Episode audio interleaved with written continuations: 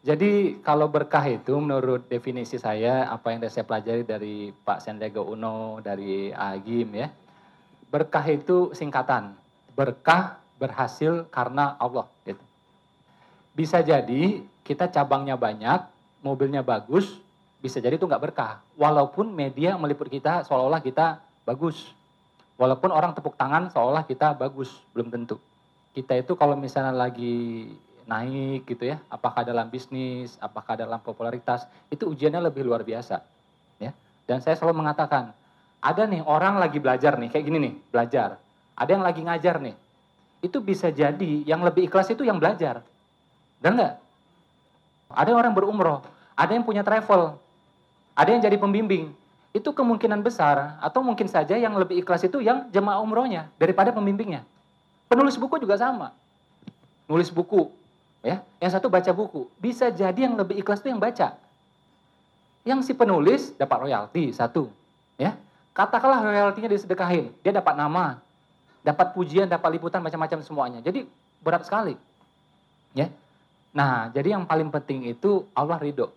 Makanya orang kalau tanya saya, masih po sukses itu apa? Allah ridho, keluarga ridho, dan sebanyak-banyaknya orang ridho sama kita. Menurut saya itu aja. Kalau kita berharap semua orang ridho itu kayaknya berat. Bahkan Nabi pun ya tidak tidak semua orang suka gitu ya.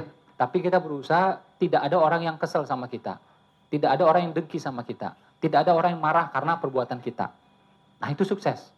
Dan tentu yang paling utama Allah ridho sama kita. Contoh ya, bagi teman-teman yang kerja. Kita misal jadi karyawan, kita kerja sehari 8 jam. Kalau pengusaha bisa lebih tuh. Ya, saya tadi malam sampai jam 10 malam masih kerja tuh. Tanya aja sama tim saya tuh. Oke? Okay? Bayangkan andai kata kita bekerja, kita ngurus bisnis 8 jam, ya 8 jam, tidak bernilai ibadah. Rugi nggak? Rugi banget. Sholat berapa menit? Kalau muka-muka kita nih paling 5 menit, 10 menit lah ya. Nah, itu sholat katakanlah 10 menit. 5 kali berarti 50 menit 1 jam. Sementara kerja tadi berapa jam? 8 jam. Jadi kalau kerjanya nggak terhitung ibadah, bisnisnya tidak terhitung ibadah, ruginya luar biasa. Benar nggak? Hanya satu jam yang ternilai ibadah. Makanya kesibukan kita semuanya kalau bisa 24 jam ibadah. Tidur ibadah. Ngumpul sama anak ibadah. Olahraga juga ibadah. Benar nggak? Ya. Saya selalu ngomong sama istri, kalau mau ngapa-ngapain gitu ya, saya tanya sambil bercanda gitu kan. Ke sana yuk, ini yuk. Saya tanya balik, dapat duit nggak? Saya bilang. Ya, ketemu ini, dapat duit nggak? Saya bilang. Ya nggak dapat lah, namanya juga silaturahim, ketemu saudara, bilang gitu. Nah, jadi saya bilang itu kerja sesuatu itu kalau bisa tuh dapat duit dapat pahala saya bilang ya. Andai kata nggak dapat duit pun pahalanya dapat ya. Nggak dapat duit nggak dapat pahala ngapain dikerjain? Benar nggak? Iya. Saya itu tiap tahun selalu dengar kabar orang-orang sekitar saya meninggal. Kita dengar kabar kemarin kayak uh, seorang komedian, seorang presenter ya sangat terkenal ya dirawat di Singapura, umurnya masih muda, tato meninggal. Ya, ada lagi yang penyanyi trio, ya. Zaman kita muda dulu, mereka yang lagi booming-boomingnya gitu ya. Sebentar mas, zaman kita muda. Saya belum lahir mas saat itu. Paling lebih tua dia gitu ya. Udah jangan ngomong tua ya. Nah jadi nggak tahu tuh umur, tiba-tiba meninggal. Begitu juga kemarin ada orang yang membantu saya kuliah di Malaysia, orangnya baik luar biasa, tato juga meninggal. Dan saya dengar, saya kalau ada orang meninggal, saya berusaha cari tahu dari keluarganya, apa kalimat-kalimat terakhir dari mulut dia. Ini orang yang terakhir ini luar biasa menurut saya, subhanallah. Ya, dijaga benar sama Allah. Memang orangnya baik luar biasa, tidak pernah mencederai hati orang, ya, keluarga saya juga, ya, diri saya juga gitu ya, yang bantu saya kuliah di Malaysia. Itu hari-hari menjelang dia meninggal, dia ngomong sama istrinya, ngomong sama anaknya, wakafkan ini, wakafkan ini, wakafkan ini. Ya. Sama anaknya ya masih diurus, masih diurus. Dia bilang, oh segera, segera, segera, seperti itu. Ya. Dan akhirnya dia meninggal. Dan meninggalnya waktu itu dia jatuh pada hari Jumat, langsung koma. Saya nggak tahu amal dia diterima Allah atau tidak. Tapi saya melihat itu tanda-tanda bahwa dia itu baik di penghujungnya. Ya, di hari Jumat satu hal.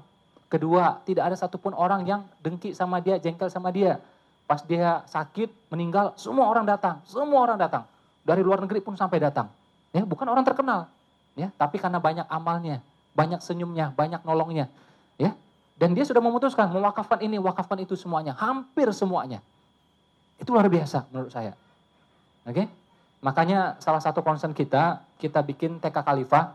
Dulu ya, waktu saya diriin tahun 2007, TK Khalifah. Saya mikir, kita mulai bisnis kan sejak tahun 2004, 2003 gitu. Pernah bisnis bakso, gado-gado, ya nasi goreng pernah, eh, donat juga pernah. Alhamdulillah sukses ditutup semuanya. Ya. Nah, itu kita belajar. Dan saya mikir-mikir dan saya ngitung-ngitung bisnis mana yang amalnya paling banyak. Hitungan saya bodoh-bodoh zaman dulu, ya tahun 2007 dulu bisnis yang paling banyak amalnya adalah TK, taman kanak-kanak menurut saya. Karena apa? Di situlah anak-anak belajar wudhu, belajar Al-Fatihah. Benar nggak? Belajar kenal dengan nabinya, sahabatnya, dan semua-semuanya. Jadi hitungan saya awam waktu itu ya, walaupun semua bisnis jelas bisa ibadah gitu ya. Apa pun bisnis kita, pakaian sekalipun ya, jual keripik sekalipun bisa ibadah. Tapi hitungan saya dulu, ini bisnis yang paling banyak ibadahnya, paling banyak amalnya. Akhirnya saya buka. Hitungan saya, andai kata rugi pun masih untung amalnya. Tapi alhamdulillah berkembang, untung ya. Sekarang udah 70-an cabang se-Indonesia. Dan tahun lalu adalah ujian paling berat bagi saya. Karena apa? Di hati saya sudah ada keinginan pengen mewakafkan itu TK. Mewakafkan itu sekolah. Cuma hati ini masih berat. Gimana pun duit itu. Dan duitnya pasif. Ya, Ini berat luar biasa. Ngobrol sama istri, ngobrol sama istri. Akhirnya ya sudah saya bilang nih, waktu itu Ramadan tahun lalu. Saya bilang ini Ramadan mau habis. Ya, Kalau kita wakafkan sekarang dapat pahala Ramadan. Lima hari lagi Ramadan sudah lewat. Mau gimana? Akhirnya sudah kita putuskan untuk diwakafkan. Diwakafkan bukan berarti diabaikan tidak ya, justru kita makin profesional. Dulu saya meeting sebulan sekali untuk TK Khalifah. Sekarang tiap minggu saya meeting. Ya, dulu hanya ada dua orang yang inti. Sekarang ada banyak orang untuk menjadi tim intinya. Ya, kita bayar orang-orang profesional untuk bikin lebih bagus lagi. Karena apa? Nah ini penting menurut saya bagi Muslim. Ada tujuh i sebenarnya ya, cuma ini kelamaan. Saya bahas satu saja. Namanya itu itkon. Itkon itu teliti, hati-hati, sepenuh hati, dan bermutu tinggi. Coba ulang. Kita lihat itu ya, masuk masjid, sandal berantakan. Oke? Pernah masuk wihara nggak? Pernah masuk nggak wihara? Itu sandal biasanya nggak disusun gitu ya, tapi andai kata disusun pun itu rapi biasanya. Malu nggak sebagai muslim? Kalau punya iman, ya, punya akal, mestinya malu. Saya berapa bulan lalu pergi ke New Zealand, acara di sana, seminar di sana. Masya Allah ya luar biasa, ternyata ini duta besar yang ngomong sama saya, ternyata dari segi Islamic Index, dari segi apa? Dari segi Islamic Index, itu negeri yang paling islami adalah New Zealand. Sementara orang Islam di sana adalah minoritas. Biasanya orang Indonesia, Malaysia yang bekerja di sana, itulah yang orang Islamnya. Orang sananya nggak ada yang Islam biasanya. Ya, tapi dari segi Islamic Index nomor satu sedunia. Saya pikir itu hoax, ya hoax. Ternyata saya cek di Google banyak penelitiannya dan benar. Dan itu juga disampaikan oleh seorang menteri kita, ya, dan disampaikan juga oleh duta besar di sana. Kenapa dari segi nilai-nilai Islami mereka nomor satu sedunia? Apa itu tertib, teratur, bersihnya luar biasa. New Zealand bersih, Australia bersih, tapi New Zealand lebih bersih. Ya, Eropa mungkin bersih, tapi New Zealand ada nilai-nilai yang luar biasa. Sampai bangunan sompel nggak ada, cak ngelupas nggak ada. Saya jalan sampai ke pelosok, toilet pesing nggak ada. Ya, Padahal mereka tidak ngerti namanya kebersihan bagian dari iman itu mereka nggak paham itu. Ya. Tapi bisa seperti itu. Dan yang menjadi e, nomor satu ya ada nilai yang lebih tinggi daripada itu adalah apa? Kesetaraan, keadilan. Pejabat nerobos lampu merah kena denda. Pejabat ya di airport tidak mau di e, X-ray mau cepat gitu ya kena denda. Ya. Dan saya dengar kabar di sana kemarin salah satu menterinya mau dinaikin gajinya nggak mau. Karena apa? Dia berpikir rakyatnya e, PNS di sana gitu ya itu gajinya nggak naik. Jadi kalau dia naik sendiri dia nggak enak. Masya Allah luar biasa. Islami nggak itu? Ya. Jadi dari segi kesetara, kesetaraan, keadilan itu Islami. Jadi Islami itu bukan semata-mata yang langsung identik dengan agama, tidak. Tapi nilai-nilai Islami yang universal.